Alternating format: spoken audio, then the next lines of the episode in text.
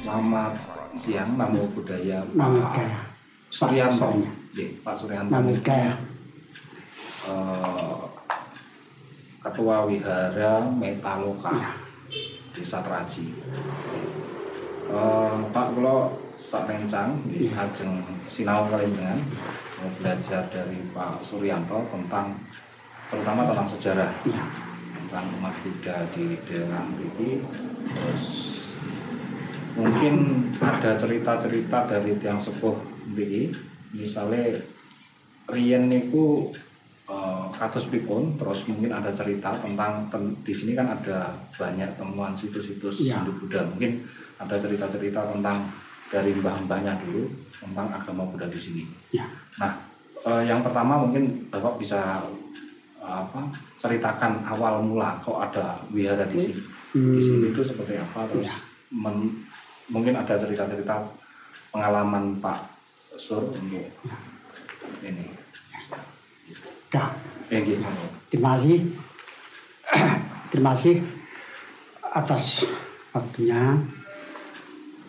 Yang pertama saya juga menyampaikan eh, selamat datang pada penjenengan berlima atas kedatangannya. Saya mewakili umat Buddha di Desa Traji. Saya menyampaikan selamat datang dan terima kasih sekali atas rawuh penjenengan berlima yang berniat mempunyai niat baik seandainya terjadi nanti akan eh, memberikan bantuan dana demi baiknya wilayah Metaluka Desa Teraji. Nah, kalau bicara masalah status awal mulanya wilayah sini dan saya sampai saat ini dipercaya menjadi ketuanya itu kalau awal mulanya itu saya istilahnya mengikuti ajaran ajaran agama Buddha itu awalnya mulai dari tahun 1986 1986. 86 Oh, itu awal-awalnya karena saya punya temen Tionghoa para hmm. Nah, awal-awalnya itu kan saya itu orang bangunan, orang bangunan saya diminta bekerja di tempat teman saya itu Paraan itu. Nah, setelah saya selesai garap di sana, saya itu diserai untuk menggarap biara di Bontalem Jumo Hmm. itu awal-awalnya. Nah, pada saat itu ya secara KTP saya masih Islam. Secara KTP ya gitu.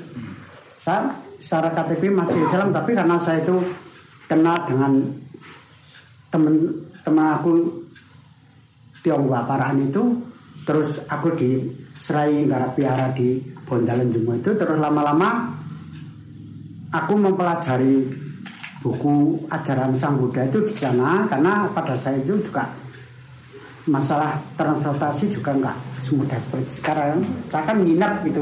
Nah sebelum saat tidur itu saya otomatis belajar belajar buku-buku itu terus akhirnya tahun 1886 tuh secara langsung saya itu merubah KTP.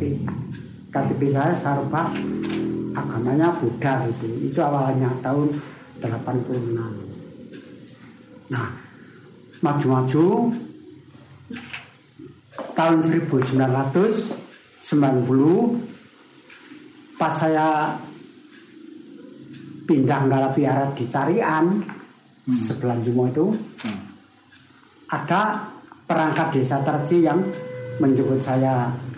Saya disuruh pulang untuk men- menggantikan salah satu perangkat desa yang kosong itu.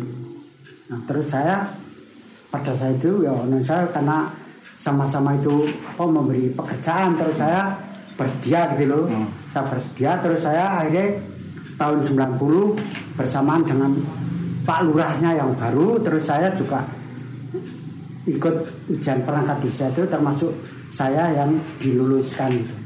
Jadi dari tahun 90 otomatis saya sudah menjadi umat Buddha karena saya dari kalau nggak salah itu dari 86 ya. Hmm. Itu saya rubah KTP itu Buddha.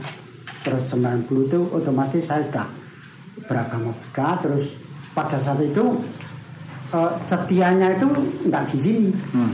Jadi setia apa setianya itu di sebelah barat itu tuh sebelah ya sebelah timur jalan tuh. Tapi dulu itu nggak nggak nggak seluas ini ya. Hmm. Berarti sebelum sebelum eh, Pak Sur kembali ke Desa Praji untuk menjadi perangkat, di sini sudah ada umat Buddha. Sudah Ya. sudah tapi non jauh Hmm. tempat ibadahnya itu tempat- gitu. oh ya. Di tempat apa di tempat apa di tempat pekarangan apa di tempat rumahnya umat gitu. Ya. Tapi lama-lama karena si umat itu memerlukan hunian untuk cucunya terus itu diminta untuk dihuni cucunya terus kebetulan pada saat itu Pak Lurahnya yang baru itu nonja karena Ya. saya juga menjadi apa perangkat desa kebetulan saya satu-satunya perangkat desa yang agamanya Buddha itu saya terus Pak Lurahnya itu memberi kebijaksanaan untuk memberikan apa kesempatan umat Buddha di Traj itu mendirikan tempat ibadah di sini dan tanah tanah ini adalah tanah bengkok Iya. tanah bengkok milik kadus dusun Rogol desa Traj. Nah pada saat itu kalau mulainya ya non salah mulainya ngerti sekitar tahun ya 94 94 akhir itu terus 95 itu pria ini diresmikan pada saat itu mau kebetulan saya sendiri pada tahun 92 itu saya ikut penataran pendeta di Indo. Hmm. Nah, terus kebetulan non saya pada saat itu kan memang umurnya itu masih masih regeng ya itu termasuk sing sepuh-sepuh itu belum pada ngeleng gitu toh. Masih kelihatan kumpang gitu ya. Termasuk pada saat itu ya saya itu ya ya termasuk jajaran paling muda pada saat itu toh saya itu. Nah setelah itu yang sepuh-sepuh itu sudah pada meninggal terus akhirnya ya itu jadi apa eh, untuk pengembangannya itu memang nggak semudah seperti yang lain. Artinya itu karena sifat-sifatnya acara agama Buddha kan istilahnya itu nggak ngacak-ngacak ya. Iya. jadi siapa yang berniat mau ya silahkan tapi kalau tidak tidak ada istilahnya orang ayu-ayu merah aku nang biara segala macam kan enggak itu. Eh, pada saat tahun 90 86 nih, itu sekitar umur berapa Pak Sur? kalau pada saat itu mungkin sekitaran umur 38 an 38. ya Oh. Saya kalau enggak salah itu saya jadi pernah di situ masih umur 36 kan Oh, ya. Ya, eh, kembali lagi Pak tadi Pak Sur Ya. Yanto cerita eh, tem- awalnya dari tukang bangunan Ya. yang membantu membangun biara wihara di Jumo. di Jumo Ya. itu berarti semacam kontraktor atau ikut orang atau Ya kalau kalau bicara itu kan istilahnya itu kan saya orang bangunan, Hmm. terus saya itu diserai temen aku yang tadi saya sampaikan Cino Parah nih. Iya. Nah karena selain selain Cino Cino Parah itu tahu tentang saya sudah menjadi umat Buddha terus saya itu diserai untuk garap biara di Bontalan Lumo itu. Nah setelah sana jadi terus saya suruh pindah di daerah Carian ya di daerah Lumo juga. Itu kalau kalau saya yang pindah ke Carian itu sekitar tahun ya 80 89 sampai 90 awal berarti kalau Pak Suryanto asli orang Teraji sini. Desanya kalau kelahiran enggak kelahiran? Saya kelahiran Blitar. Oh. Jawa Timur saya kalau Hmm. kelahiran Blitar tapi terus saya kok bisa sampai sini? Ya konon kan mbah saya itu kan hidupnya lelono coro Jawa itu Oh. berpindah-pindah oh. Kalau mbah aku aslinya tuh mbah aku yang mbah kakung itu kelahiran Mundilan. Hmm. terus mbah putri aku kelahiran Malang. Hmm. Gitu. Terus aku sendiri kelahiran Jawa Timur juga. Terus saya pindah di Keras itu sekitar tahun 62. Saya, 62. saya kelahiran tahun 56. Hmm. Saya kelahiran tahun 56. Sehingga saya menjadi perangkat tahun 90, saya purna tugas tahun 2006 itu kan berarti saya sudah umur 60 pada saat itu. Jadi kalau bicara masalah umurnya sekarang sudah 64 berjalan. Ketika tinggal di sini bersama keluarga, Ya, lupa termasuk kalau ibu saya sih orang tadi. Oh. Jadi jadi termasuk eh, keluarga aku itu senangnya itu Jawa itu lalono hidupnya itu berpindah-pindah. Eh, Pak Sur kan pada tahun eh, 80-an sudah menyaksikan umat Buddha, sudah melihat dan membantu pembangunan wihara-wihara di umat Buddha. Boleh diceritakan kondisi saat itu saat, itu seperti apa? Termasuk misalnya ada pengalaman pas membangun wihara di Bundalem atau di mana begitu.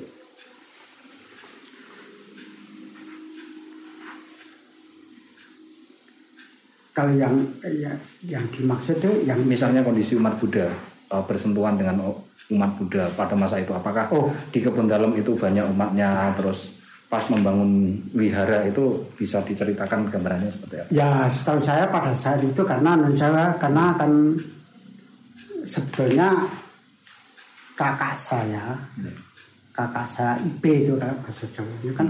Pak. pada saat itu kan statusnya sudah penyandang pendito Pak Solikun. Oh, Pak Solikun itu kakak saya itu. Jadi kakak kandung? Bukan IP Oh, ipar. Oh ya. yang kakak aku perempuannya Hmm. itu Oke. Pak Solikun itu kan standar itu sudah nyandang pendito Oke. itu. Nah, tapi pada saat tadi dengan menanyakan pada saat itu memang setahu saya itu kompak Iya.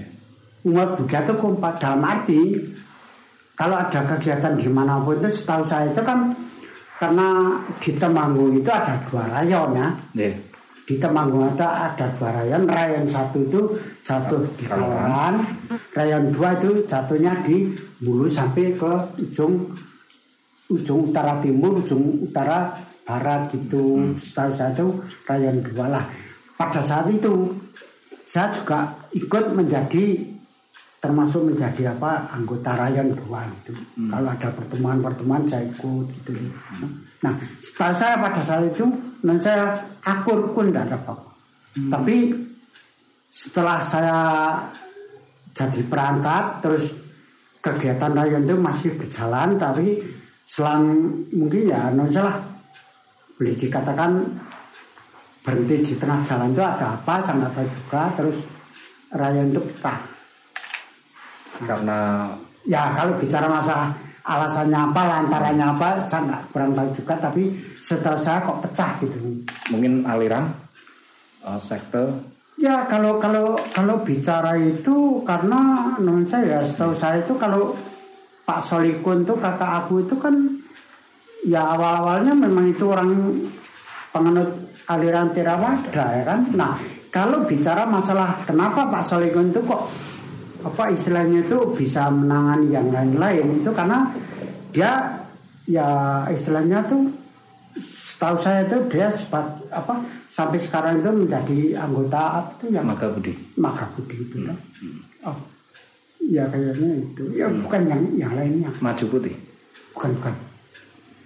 Kaitan dengan pemerintah. Apa ya? Ya lali. Sing pokoknya sing Penyuluh. nangani kabeh itu loh.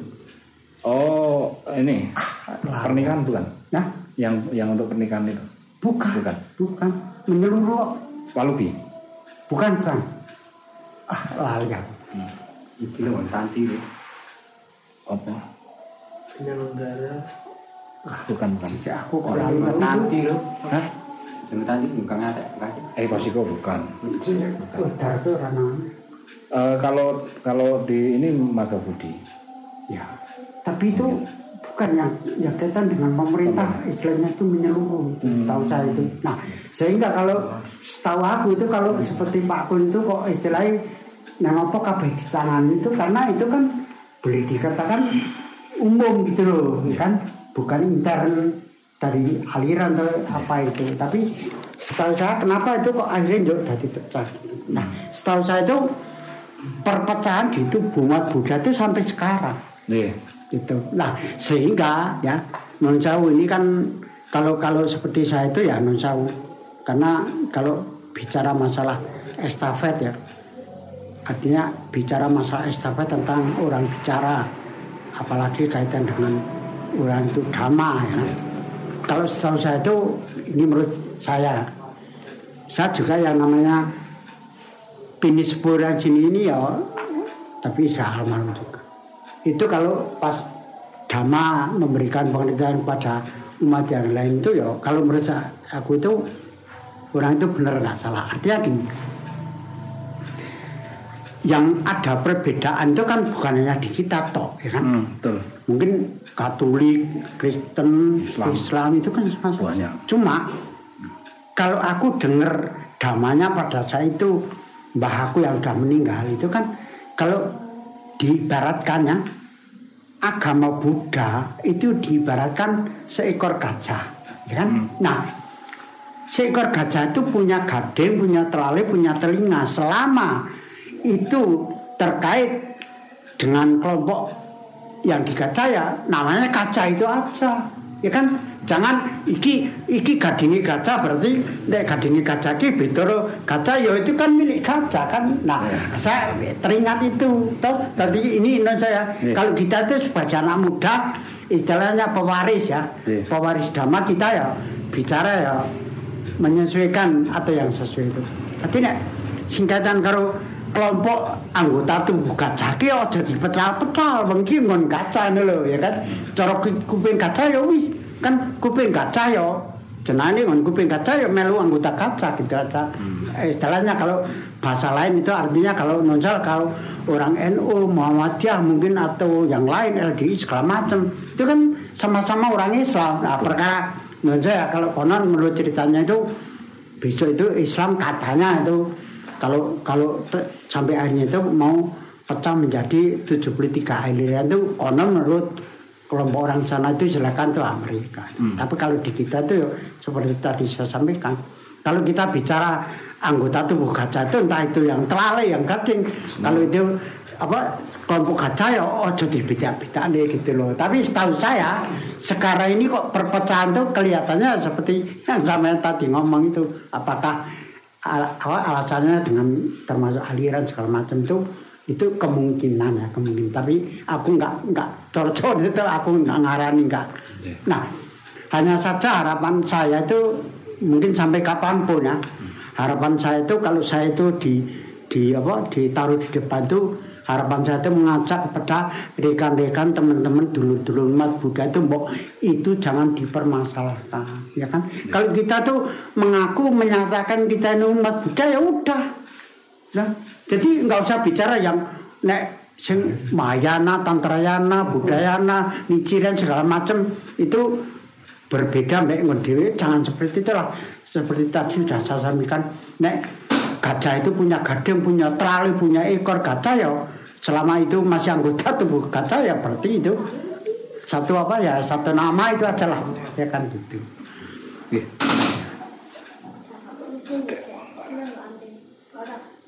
Rumah. Sampai sedang ngobrol-ngobrol yang sebelah. Ya. eh, kalau tadi Pak Sur Ya. sempat bilang soal mbahnya yang itu adalah salah satu nasihat dari mbah. Ya, Ya, Ya. berarti mbahnya Pak Sur dulu? Bukan bukan bukan, bukan. Buddha. tapi sesu, orang sepuhnya sih mbah. Orang sepuh ini. Boleh diceritakan tentang orang sepuh itu? Kalau itu setahu saya itu Si- siapa beliau? kalau asmanya itu namanya itu Mbah. Mbah Kromo Kromo. Setahu saya itu Mbah Kromo itu aja Apa? Hmm? Oh, Mbah Kromo. Ya. Berarti eh, bini sepuhnya finis si umat Buddha, finis ya, umat termasuk Mbah Kromo itu termasuk yang tadi apa saya sampaikan yang minjemi tempat Oh, yang akhirnya dikasih ke cucunya itu karena itu tanah pribadi. Iya. Nah, setelah saya kalau Mbah Kromo itu yo masuk agama Buddha itu sekitar tahun 68-an. Hmm. Jadi termasuk paling paling mendahului lah di situ. Berarti pas jenengan ten mriki, kira-kira dulu itu ada berapa umat Buddha di daerah sini? Kalau ya setahu saya itu ya sekitaran ya mungkin kalau dulu itu sekitaran ada 15 15 kakak Khusus di desa Tratu. khusus tapi sekarang Iya. sekarang eh, kemarin aku ngomong sama si siapa Sarbini Iya. sekarang itu sekarang itu kalau nggak salah itu ada 13 kakak tiga, 13 kakak itu terjadi dari lima desa nggak nggak di Tercito Nggak di gitu. Jadi 13 kakak itu terjadi dari lima desa nah satu-satunya kan yang teraji ya jelas nah karena awalnya teraji itu kan ya sampai sekarang kalau, kalau bicara teraji itu perbatasan antara Ngadirjo dan Param memang iya tapi dulu itu kan teraji itu kan perbatasan Parang Ngadirjo tapi teraji ikut Ngadirjo dulu Hmm. tapi sekarang itu kan teraji diikutkan Paran sama Desa Magusan Iya. tapi kalau bicara perbatasan ya masih perbatasan hanya saja kalau sebelum pindah ke Paran itu kan Biara Teraji itu satu-satunya biara yang ada di Kecamatan Ngatijo dulunya. Tapi kalau sekarang ini ikut Paran kan di Paran kan selain Teraji ada lagi biaranya. Sekarang berarti kan yang yang ada di Kecamatan Ngadirjo itu sekarang boleh nggak ada lagi gitu karena ketaput yang Teraji itu. Kalau Itulah. mau mau kembali ke ini Pak, kan dulu Bapak kan awalnya memang hanya membaca buku-buku itu Ya. di wihara. Tapi anu masih ya ini non saya tadi pada saat itu saya mempelajari buku-buku ajaran Sang Buddha itu di daerah Bondolan Jumo itu tapi saya dalam benak batin saya itu ingat pada saat, saat saya masih di SD itu saya mem- pernah membaca buku sejarah Hmm. yang kaitan dengan ajaran agama Buddha itu Iya. kan setahu saya kalau di sejarah pada saat itu di buku sejarah SD itu kan ag- apa agama Buddha itu dibagi menjadi empat kasta ya. Iya. kan itu dulu itu. Terus saya pada saat saya eh, di Serainggara Biara Dinjumo itu saya mempelajari itu terus aku teringat pada saat saya masih di SD itu mempelajari buku sejarah itu. Hmm. terus akhirnya saya ya, menyimpulkan lah tapi bukan berarti kita itu menjelekkan apa nggak setuju sama yang lain bukan. Kan itu silakan karena hidup ini adalah pilihan kan. Iya, iya. itu jadi ya non salah. Kalau kalau bicara masalah karena hidup ini adalah pilihan mau kamu mau senang pilih yang mana itu kan ya hak kita juga gitu lah. Akhirnya pada tahun 86 itu memang saya menyimpulkan karena sebelum saya bersikeras untuk pindah ke agama Buddha itu pada saat saya masih muda itu saya pernah ikut belajar di Kristen. Hmm. terus kalau nggak salah itu karena saya saya kan lulus SD tahun 69 Iya. terus tahun 70 itu saya meneruskan di SPN dulu itu di Cilacap tahun 70 STN itu sekolah sebelum STM oh itu ya, kan oh, ya. dulu ada itu Iya. kalau dulu sebelum SMAP kan Iya. apa sebelum posmia kan SMAP Iya. seperti itu Oh, iya. nah kebetulan yang saya di Cilacap itu saya ikut Pak Debudi kebetulan Pak Debudi itu agama Katolik Iya. nah saya di sana otomatis kan ngikut yang saya ikuti gitu nah terus saya di sana nggak betah berapa tahun saya pulang terus saya kembali ke Teraji lagi saya balik ke Islam lagi gitu. Hmm. Tapi ya tadi saya, saya bilang gitu, biarpun saya itu Islam tapi hanya KTP. gitu. Hmm. Apa Nah. yang menarik ketika membaca buku-buku Buddha waktu di ini ya, yang menjadi kan menarik untuk Oh, iya. Bapak sehingga mengikuti Ya sekali lagi bukan berarti aku nggak setuju sama yang lain seperti selain ajaran agama Buddha, tapi seperti tadi aku ngomong hidup ini adalah pilihan. Nah, setelah saya membaca buku-buku dari ajaran Sang Buddha itu, kalau menurut aku itu ya ajaran agama Buddha itu mengajarkan ajaran yang selain yang kasunyatan ya kalau bahasa Jawa itu atau kesunyataan terus ajaran agama Buddha itu mengajarkan ajaran yang bersifat apa cinta kasih. Tuh. Jadi kalau bicara masalah menjala kalau orang Jawa mungkin ya pada saat mungkin ya pada saat mudanya saya atau kecilnya saya itu kalau di lain ajaran agama Buddha itu ada kalau perkara itu tumbuhnya dari ajaran agama apa aku nggak ngerti juga tapi kenapa dulu itu masih ada apa ada orang yang mempelajari ilmu santet segala macam itu lah itu silakan lah itu dari mana saya nggak akan menyampaikan bahwa ilmu santet itu yang mengajarkan dari ajaran agama ini saya nggak akan ngomong tapi yang jelas kalau ajaran agama Buddha itu nggak ada itu yeah. ya. jadi intinya ajaran Sang Buddha itu intinya mengajarkan sesuatu yang bersifat cinta kasih perdamaian ya kan? Nggak ada rasa iri dengki benci segala macam itu nggak ada. Itu yang menjadikan saya tertarik. Dan pada saat ini kalau kita terapkan pada kehidupan kita sehari-hari itu lebih tepat. Lebih tepat. Artinya apa? Ya kalau di acara agama Buddha itu kan kita nggak boleh merenungkan kembali hal-hal yang bersifat mundur ke belakang lebih jauh. Dan nggak boleh membayangkan sifat-sifat yang ke depan sejauh mana. Ya yang paling tepat itu yang harus kita hadapi ya mungkin sehari atau dua hari ini. Jadi nggak nggak terlalu ke belakang jauh nggak terlalu maju terlalu jauh gitu. Tadi orang mikirnya itu biar nggak begitu mumet itu. Terlalu mumet mikir wah aku minggu kepungkur ini ini itu kan sudah lewat kan tadi ya anu salah. Nek sing lewat ya kok paleni itu tadi ini kalau menurut aku itu ajaran agama Buddha itu ajaran yang lebih bijaksana. Kalau diterapkan pada kehidupan manusia. Nah, seperti itu yang setahu saya itu. Dan dharma dharma itu katanya tuh bahasa Sanskrit ya. Yeah. Kalau bahasa Pali Dharma, Dharma Dhamma.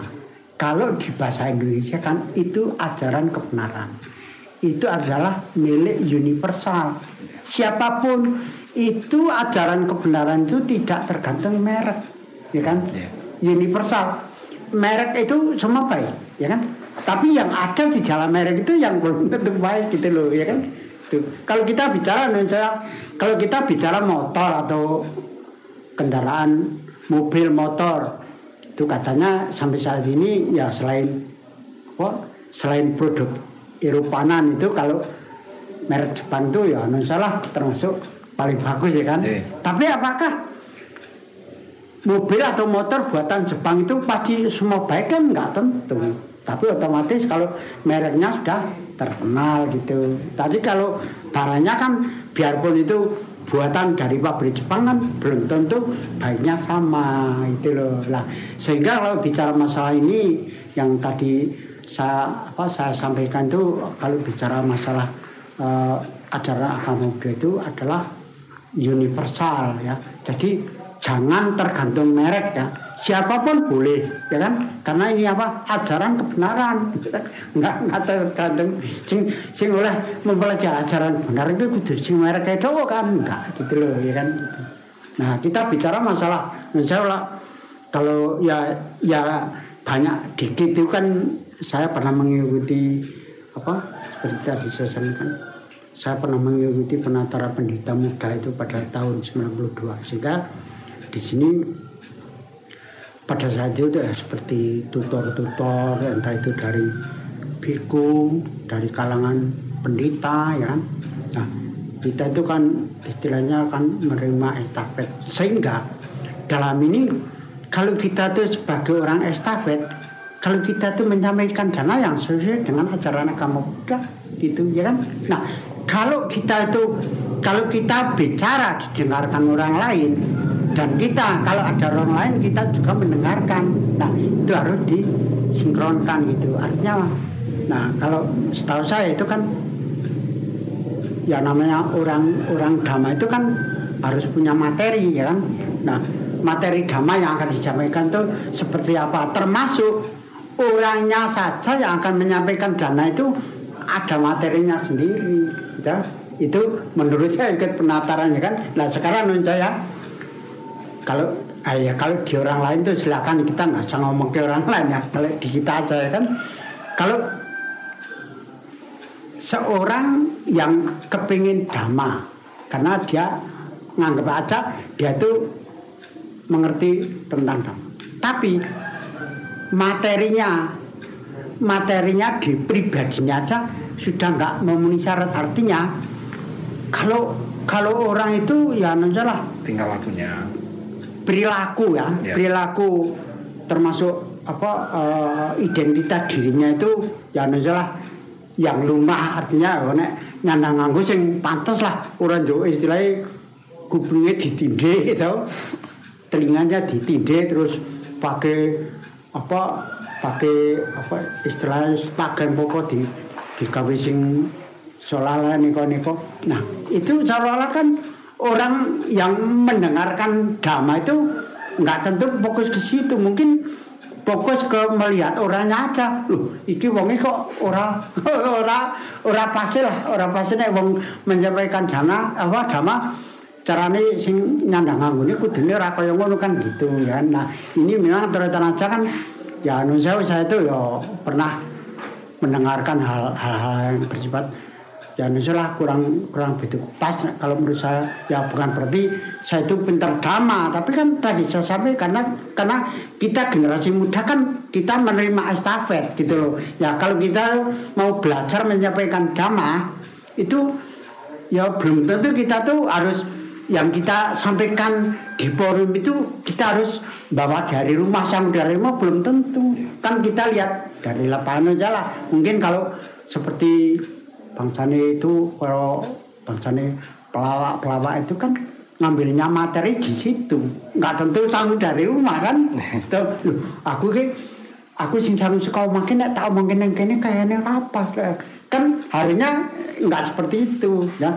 Jadi materi dhamma yang disampaikan menyesuaikan dengan situasi dan keadaan lingkungan itu. Eh, Pak, Ini ah, kembali lagi.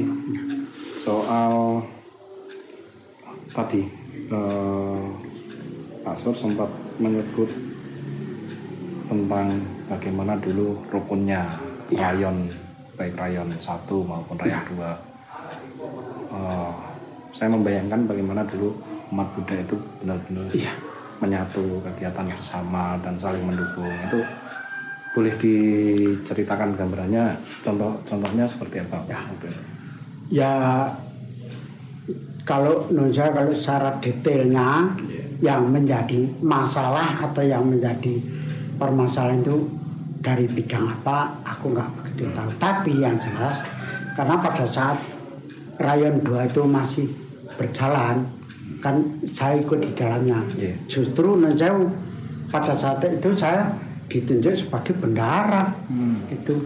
Nah Ini ada, di rayon dua ada berapa berapa wihara kalau Ya kalau kalau bicara itu, aduh saya nggak begitu ingat ya. Tapi yang jelas itu Rayon dua di Temanggung itu dari dari Mulu ya, Iya. dari Mulu ke utara timur ke utara barat itu Rayon dua itu. Kalau bicara masalah biara itu berapa ya? Karena setahu saya itu kan ada ya ada ada yang dulunya itu sudah berdiri biara terus musnah rata dengan tanah atau beralih fungsi itu setahu saya itu ada. Termasuk di Tajem itu juga. Saya kemarin juga ngomong sama Sarpin itu. Di Tajem karena saya kan belum lama saya ya mungkin setengah tahun ya saya kan nggak ada rumah di situ. Saya dulu juga diceritani orang situ bahwa dulu itu di Tajem itu pernah ada setia untuk kegiatan orang dan orang-orang itu sudah pada saat itu sudah mengetahui tentang apa tentang awalnya sembahyang orang Buddha itu. Tapi lama-lama karena termakan zaman ya akhirnya itu apa punah itu hanya saja kalau bicara masalah apakah seka- sampai sekarang masih ada umpamanya mungkin ya. Mungkin kalau secara enggak memperlihatkan itu mungkin masih ada itu.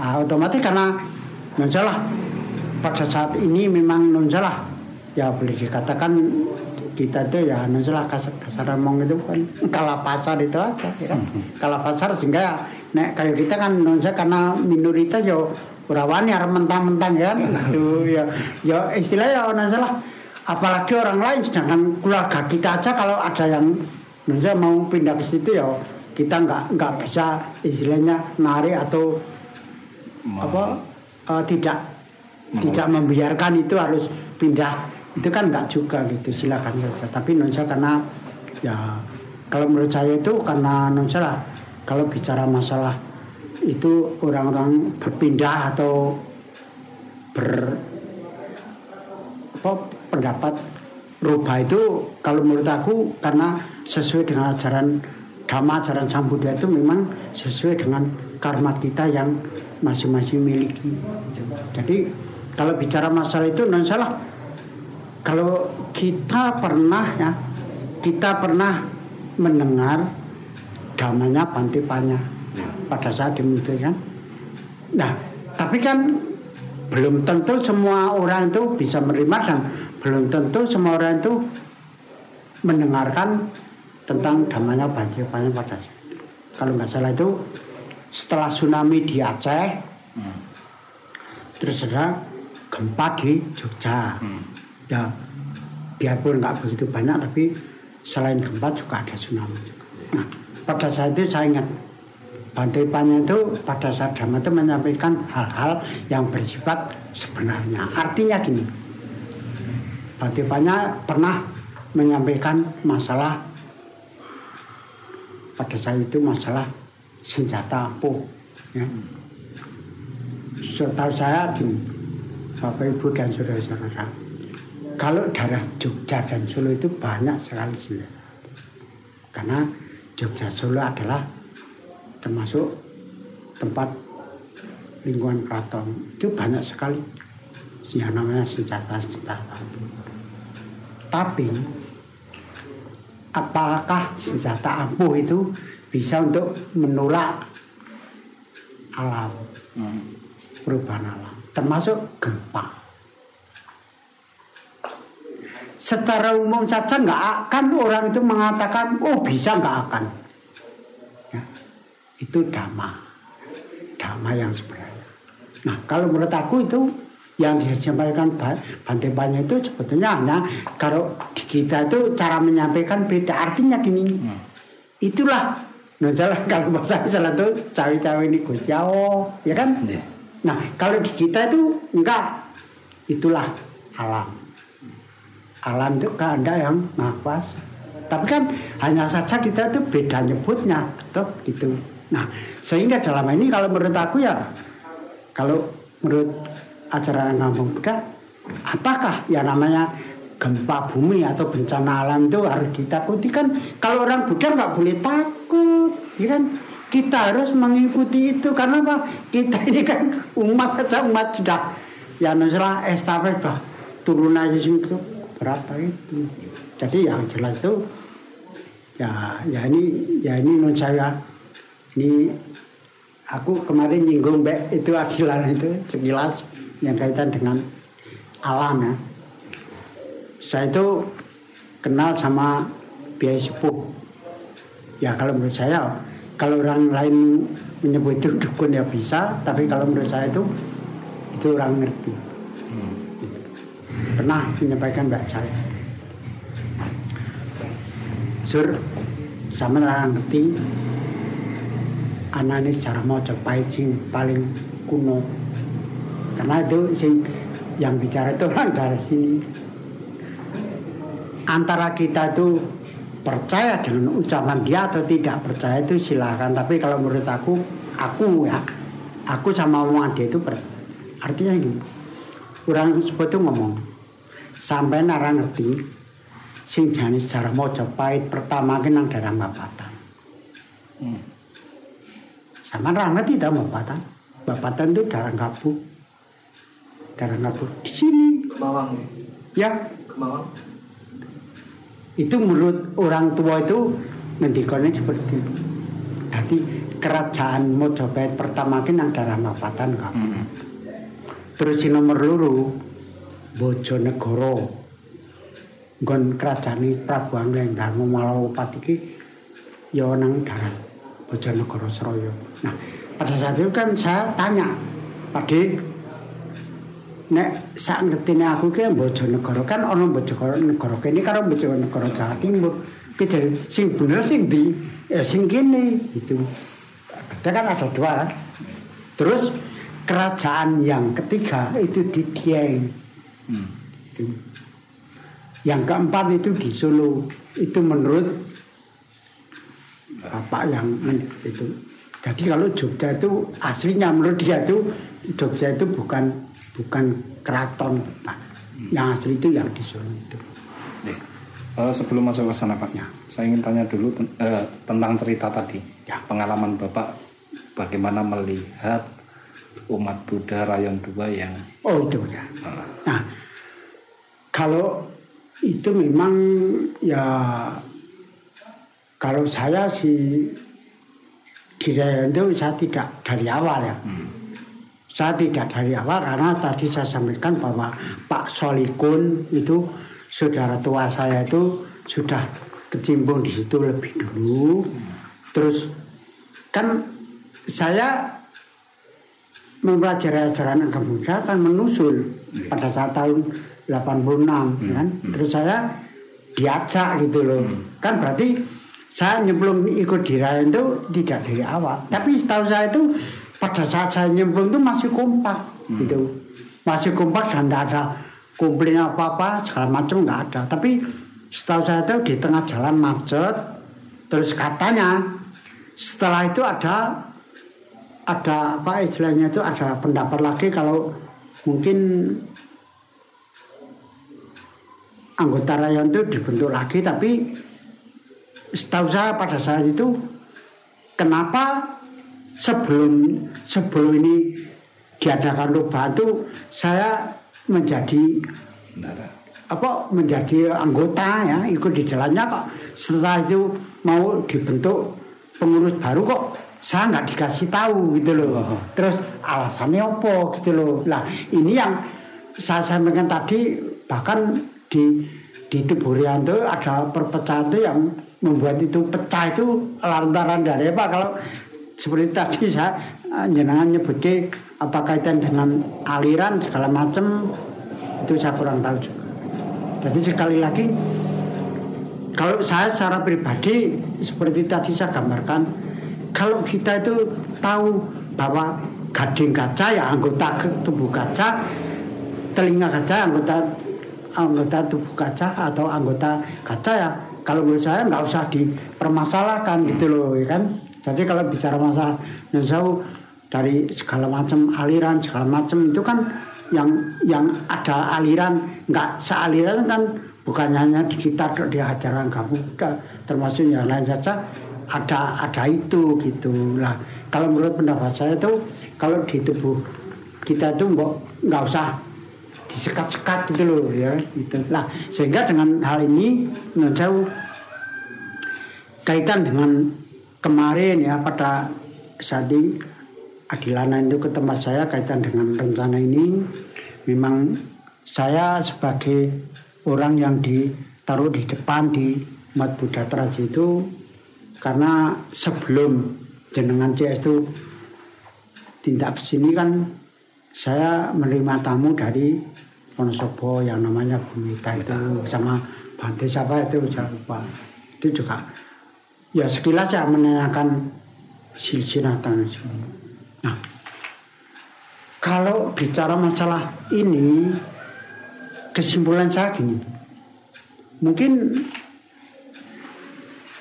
segala sesuatu yang diberikan ke kita, ya kan, terus kita rawat dengan baik ya kan?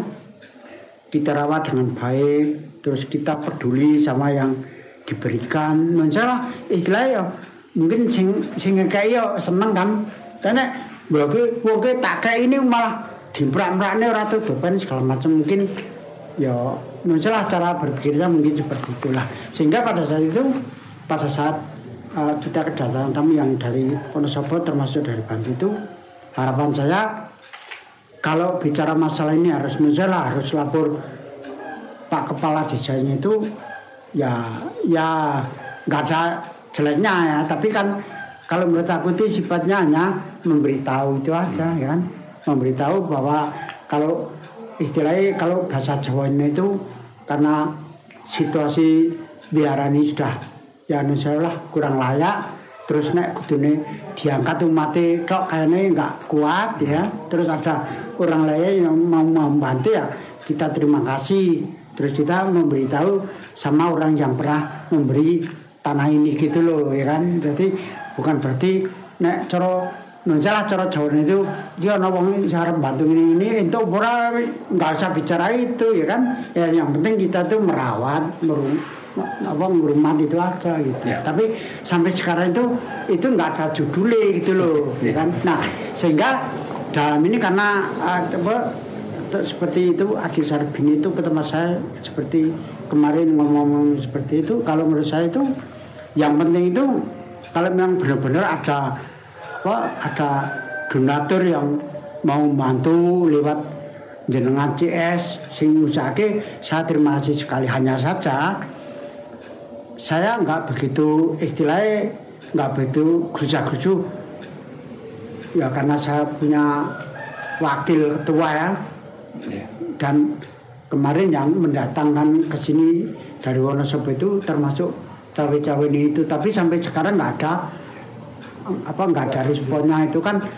Terus saya mau ketemu itu urung bisa ketemu gitu. Yeah. nah sifatnya gini. Kalau saya ini kerabuan jenengan itu saya senang sekali bahkan jauh kalau bicara sebetulnya Pak Sur apa saja sing sing kudu dibutone nggo ngriapi niki apa? Ini sekilas ya. Sebelum saya nanti apa istilah ini ACC karena alasan saya itu nek saya apa ninggal itu kok dikirone wong ngono akan sampai sekarang itu saya belum tahu. Ya, terus uh, ngeten Pak, uh, soal niku mangke ngeten ya ada beberapa orang yang memang bertanya kepada kami ya. uh, kalau direnovasi bagaimana begitu ya. nah itu juga nanti kita akan serahkan kepada bapak dan ya.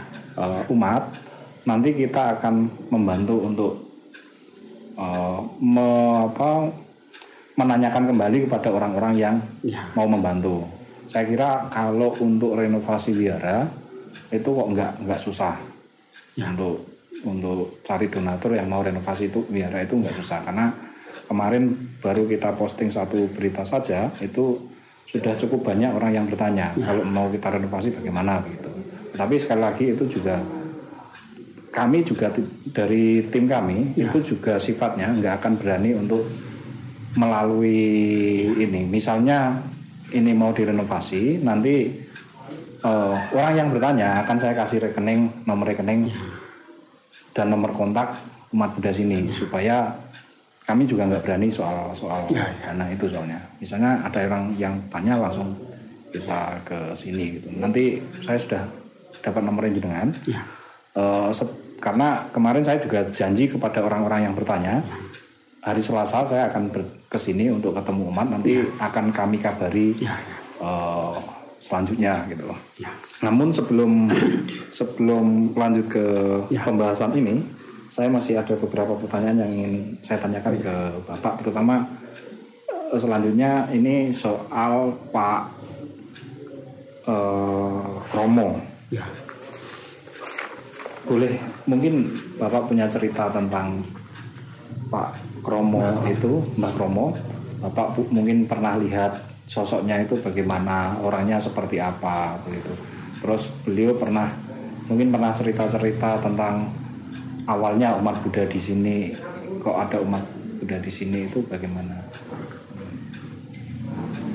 Ya terima kasih. Kalau bicara masalah kriteria tentang Mbah Kromo itu sebetulnya saya nggak begitu detail ya artinya tuh Mbah Kromo sendiri nggak pernah menyampaikan sama saya awal mulanya seperti apa itu nggak pernah hanya saja setahu saya itu karena di, di kalangan umat Buddha itu Mbah Kromo itu termasuk orang yang paling tertua lah. Hmm. Nah sehingga dalam hal ini dengan otomatis ya, seperti tadi aku sampaikan kalau ajaran agama Buddha itu istilahnya orang ayo-ayo ngejak enggak. Tapi dengan otomatis karena orang kalau menurut aku ini ada ada kaitan dengan karma tadi. Kalau sebelum manusia itu hidup di zaman sekarang, dia punya karma yang kaitan dengan ajaran agama Buddha memang nyemplungnya gampang gitu loh, ya kan? Tadi itu memang estafet seperti tadi aku ngomong. Nah, sehingga dalam ini karena almarhum Mbak Kromo itu sosok yang paling sepuh. Terus pada saat itu termasuk putranya tapi nggak nggak semua termasuk putra mantunya juga ikut. Tapi sekali lagi ya itu nggak nggak tentu kompak artinya tuh kadang kalau anaknya Mbah Kromo itu punya istri istrinya nggak ikut yang ikut yang asli anaknya toh tapi nonjol kan kebetulan yang asli anaknya Mbah Kromo itu yang dulu aktif itu sekarang juga sudah meninggal tapi masih ada masih ada tapi kebetulan eh, setahu saya itu malah anak menantu dan sama eh, sama cucu malah Iya. yang masih menurut itu. Nah, kalau bicara masalah tentang urut-urutannya seperti apa itu seperti tadi saya ngomong saya nggak begitu detail tapi setahu saya begitu saya nyemplung tuh di sini udah kompak tapi belum di sini masih di tempat.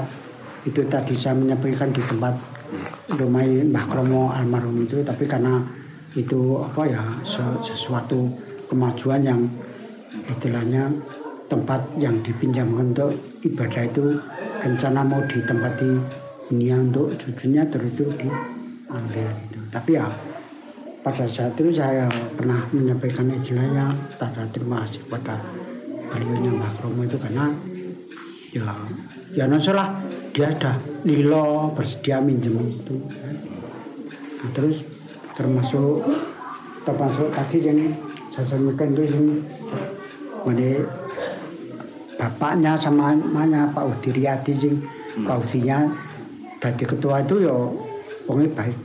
Dan itu juga setelah saya Bapak Pak Udi itu juga dulunya itu ngajar ngaji itu. Ngajarin kita ngaji itu tetapi Ngaji- akhirnya ngaji Islam itu. Oh. tapi akhirnya setelah dia tuh sepuh terus beralih ke ajaran agung. Dan itu sampai meninggal Hmm. itu bapaknya Pak Udi sama ibunya Pak Udi. Ah, termasuk Pak Udi itu anak satu-satunya anak laki tadi saya sampaikan Ya. sampai sekarang kan istrinya tuh nggak nggak peduli. Wong itu nek jenengan tak ceritani itu ngeri ya.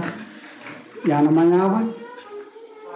Pak Udi itu meninggal itu kan foto mayatnya itu kan ya biasa kan buat kenangan dong pas nyedekah segala macam kan. itu bojone nggak gelem ngopeni regan ngopeni wis wis ya cara Jawa ini wis aku mau ya akhirnya ini Pak Udi itu di sini disimpan di wihara ya, Boleh boleh lihat nanti Pak fotonya kalau ada. aduh nanti jangan J, misalnya ada. ya Terus eh, soal boleh diceritakan kembali soal awal pembangunan wihara ini tadi. Oh. Sempat tadi belum sempat kerekam. Oh ya. Awal pembangunan wihara ini kan memang pada saat itu kan kalau nggak salah itu saya sudah menjadi perangkat desa dan pada saat itu Pak Lurahnya itu mendukung dengan didirikan wihara itu. Nama lurahnya sih Pak? Waktu itu Pak, Pak. masih ingat. Namanya Iya, Pak. Tunung Supriyono. kemarin ikut nyalon juga tapi kan Oh. enggak tadi Pak Dunu Supriyo rumahnya itu di di belokan Jalan Bandung itu. Iya. itu Pak Dunu Supriyo nah pada saat itu setelah dari pemerintah dijauh memberikan izin terus saya sama putranya Mbah Kromo yang meninggal itu saya berusaha mencari dana di Mendut. Pada saat itu kan Bate Jati yang situ Iya. kalau nggak salah itu pada saat itu saya mendapat bantuan dana dari dari Sangha itu kalau nggak salah itu sekitar dua juta setengah apa berapa. Itu yang dari dari Sangha Theravada itu. Yang menyampaikan tuh Bante Joti yang yang ngambil saya sama anaknya Mbak Kromo yang bicara terus selain itu yo yo yo sedikit banyak itu dana dari umat itu. tapi kan ya non salah karena dulu itu termasuk ya ini termasuk apa? Kerangka atap itu kan dulu ngambilnya aku dari daerah Jelgong di kan ada ada umat Buddha saja ada umat Buddha juga yang dari Tirawada itu yang kaitan dengan ini. Terus ya istilahnya ya ya beli kayunya itu tapi dari istilahnya pada-pada umat Buddha Tirawada itu. Kan di Jelgong itu kan umat Buddhanya nggak nggak hanya satu aliran toh. Iya, satu Warna-warna aliran, ya tiga. kan? ya kan? Itu tapi kebetulan yang tak tukar nikah ini tuh katanya sekarang juga orangnya pindah lagi pindah ke Islam lagi. Ketika katanya toh. nah terus pada saat itu yang namanya bapaknya Pak Udi sama ibunya Pak Udi itu rumahnya nggak di situ di situ. Nah terus pada saat itu pada saat saya jadi perangkat itu sekitar tahun 90 sampai 95 itu nggak nggak seperti sekarang. Artinya itu kan biarpun saya itu jadi perangkat desa tapi kan ngantor saya di kantor desa itu kan nggak seperti sekarang saben hari kalau nggak salah itu kesempatan untuk ngantor itu paling seminggu itu dua kali. Berarti saya masih sempat untuk nggarap bangunan itu lah. Sehingga kalau sampai itu percaya nggak percaya tuh ini sing oke itu sinangani saya. Biar itu termasuk lukisan itu ada apa ada cakra ya. Cakra terus tempat itu itu tangan saya semua. Berarti yang membuat Iya. arsi- desain arsitek ini Iya. juga Pak. Nah, sehingga seandainya iya ya, seandainya iya itu harapan saya itu memang kalau kita bicara masa renovasi secara menyeluruh memang nggak sedikit dana ya kan. Nah, ini ini harapan saya kalau ada donatur yang memenuhi syarat itu eh, istilahnya itu sesuai dengan target seberapa jauh atau seberapa banyak dan yang ada dibutuhkan itu sebetulnya dari depan artinya tuh kepinginnya saya tiras depan tuh nanti dicor ya. dicor terus nanti stupa itu dipindah di atas. Nah terus yang sebenarnya kalau kalau ini yang sebelah apa sebelah utara itu kan ada karena ini limasan terus ini dibentuk gunung Nah gunung itu terus nanti gunung itu nanti kan di ditempel stupa itu loh. Nah, Nah, iya. karena ini ini cor kan garap stupanya itu kan gampang gitu loh. Hanya saja seandainya nggak sampai ke situ, paling tidak itu kita ngerenovasi yang kap ini aja. Artinya sing depan tuh rasa dibongkar sih, toh. tapi ini bentuk yang limasan itu tetap diganti gunung terus ini kapnya itu diganti tangkep dok sampai belakang. Nah dengan catatan kap atas itu nanti total artinya itu kita rubah termasuk kerangka atap itu di, diganti semua termasuk gentengnya itu diganti sama senggala aluminium karena mengingat Kira-kira berapa? Ya kalau bicara itu menurut saya sekilas saja.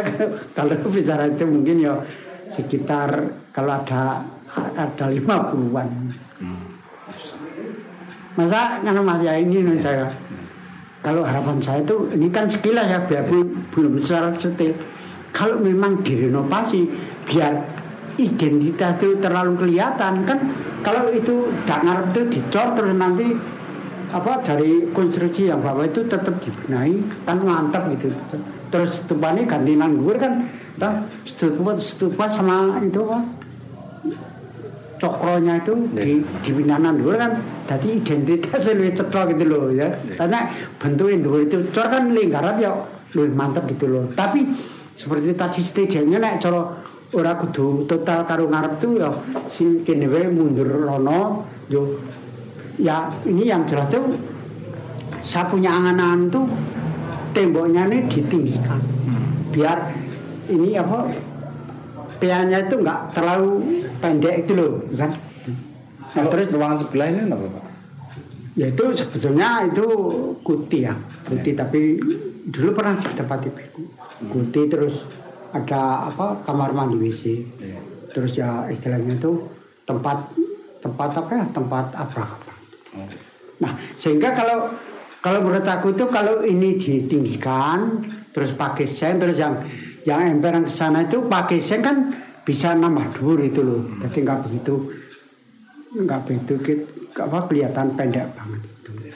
Tapi dengan catatan ini sekilas kalau jenengan kira-kira entah biro Pak Sari sekilas saja janji, lima bulan gitu ya. Neng Ya sekali lagi saya kalau sih mengharapkan jelas ya, tapi kan ya, dan saya tadi harapan kan harapan baik ya kan, Iya. Itu harapan baik tapi sekilas saja kalau untuk untuk ini ke belakang itu sekitar sekilas data tidak mungkin sekitar 50-an itu bisa cukup.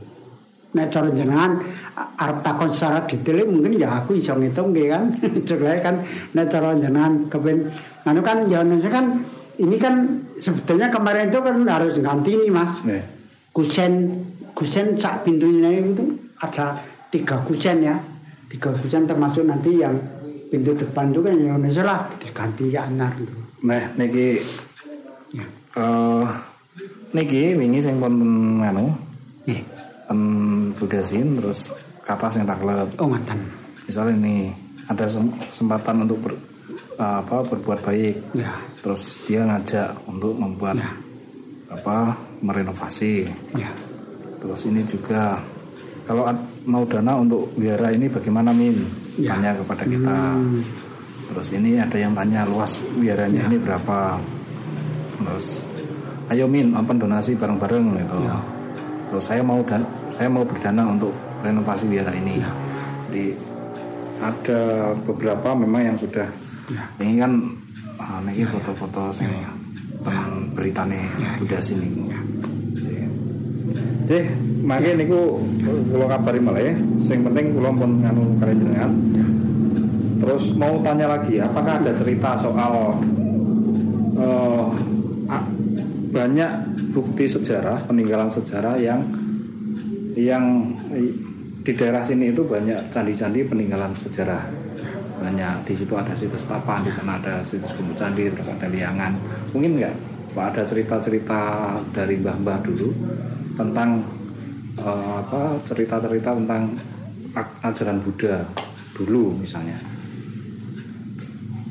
Ya terima kasih. Kalau bicara masalah Sebelum ajaran Buddha sebelumnya itu enggak ada. Enggak ada yang pernah cerita enggak. Hmm. Tapi yang saya itu ya kalau bicara masalah situs-situs atau peninggalan itu Hmm. sekilas saja seperti saya tahu artinya itu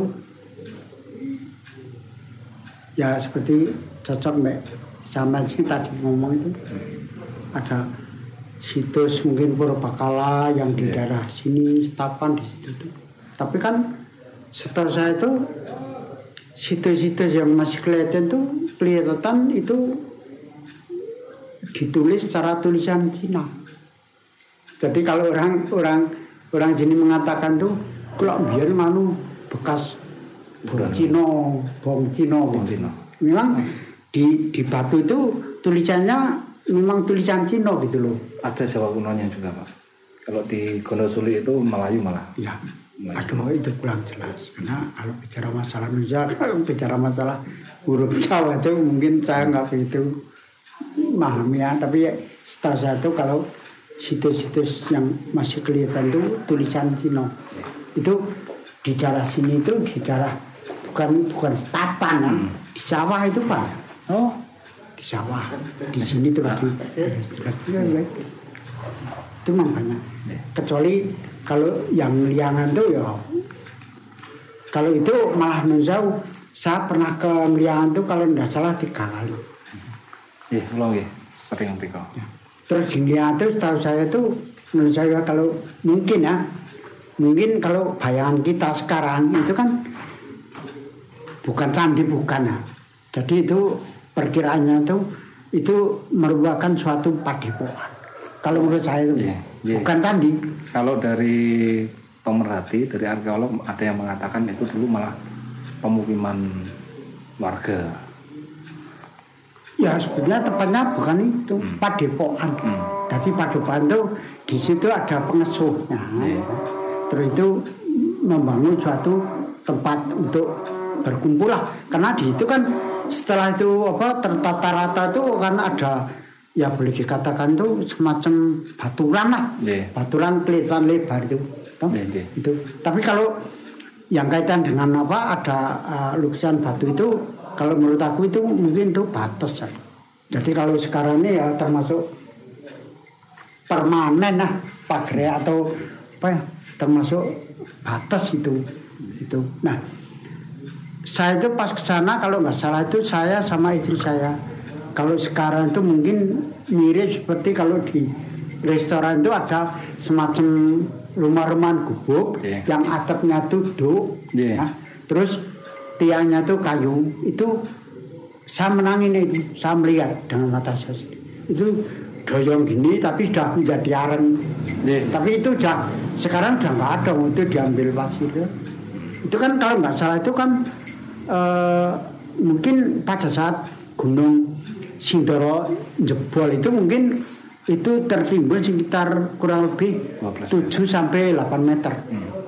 Nah, ya mungkin yang. Nah, kalau menurut saya kalau sekarang itu kalau sesuatu tertimbun pasir itu masih saya lah, mungkin barangkali nggak usah seminggu minggu lah setahun ya mungkin ya diarah-arah pakai tangan sih kena lah. tapi karena itu udah mungkin setelah setahun ya pakai linggis ya kangelan gitu loh. Jadi udah berubah menjadi padas itu jadi ya menurut saya lah, itu perkiraan seperti kalau gunung meletus itu kalau menurut aku itu gambarannya seperti orang bayan.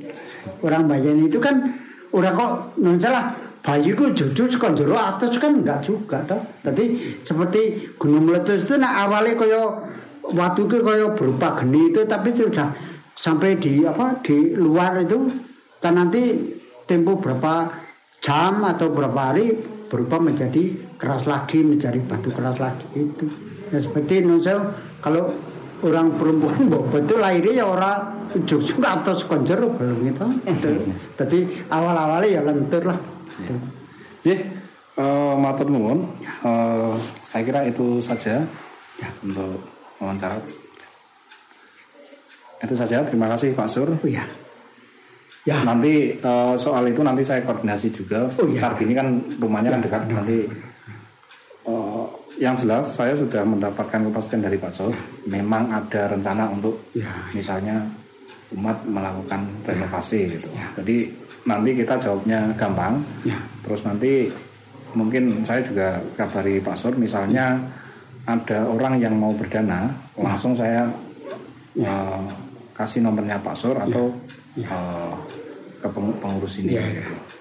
Ya, sama-sama. sangat, Pak. Saya juga mewakili umat Buddha di Teraji.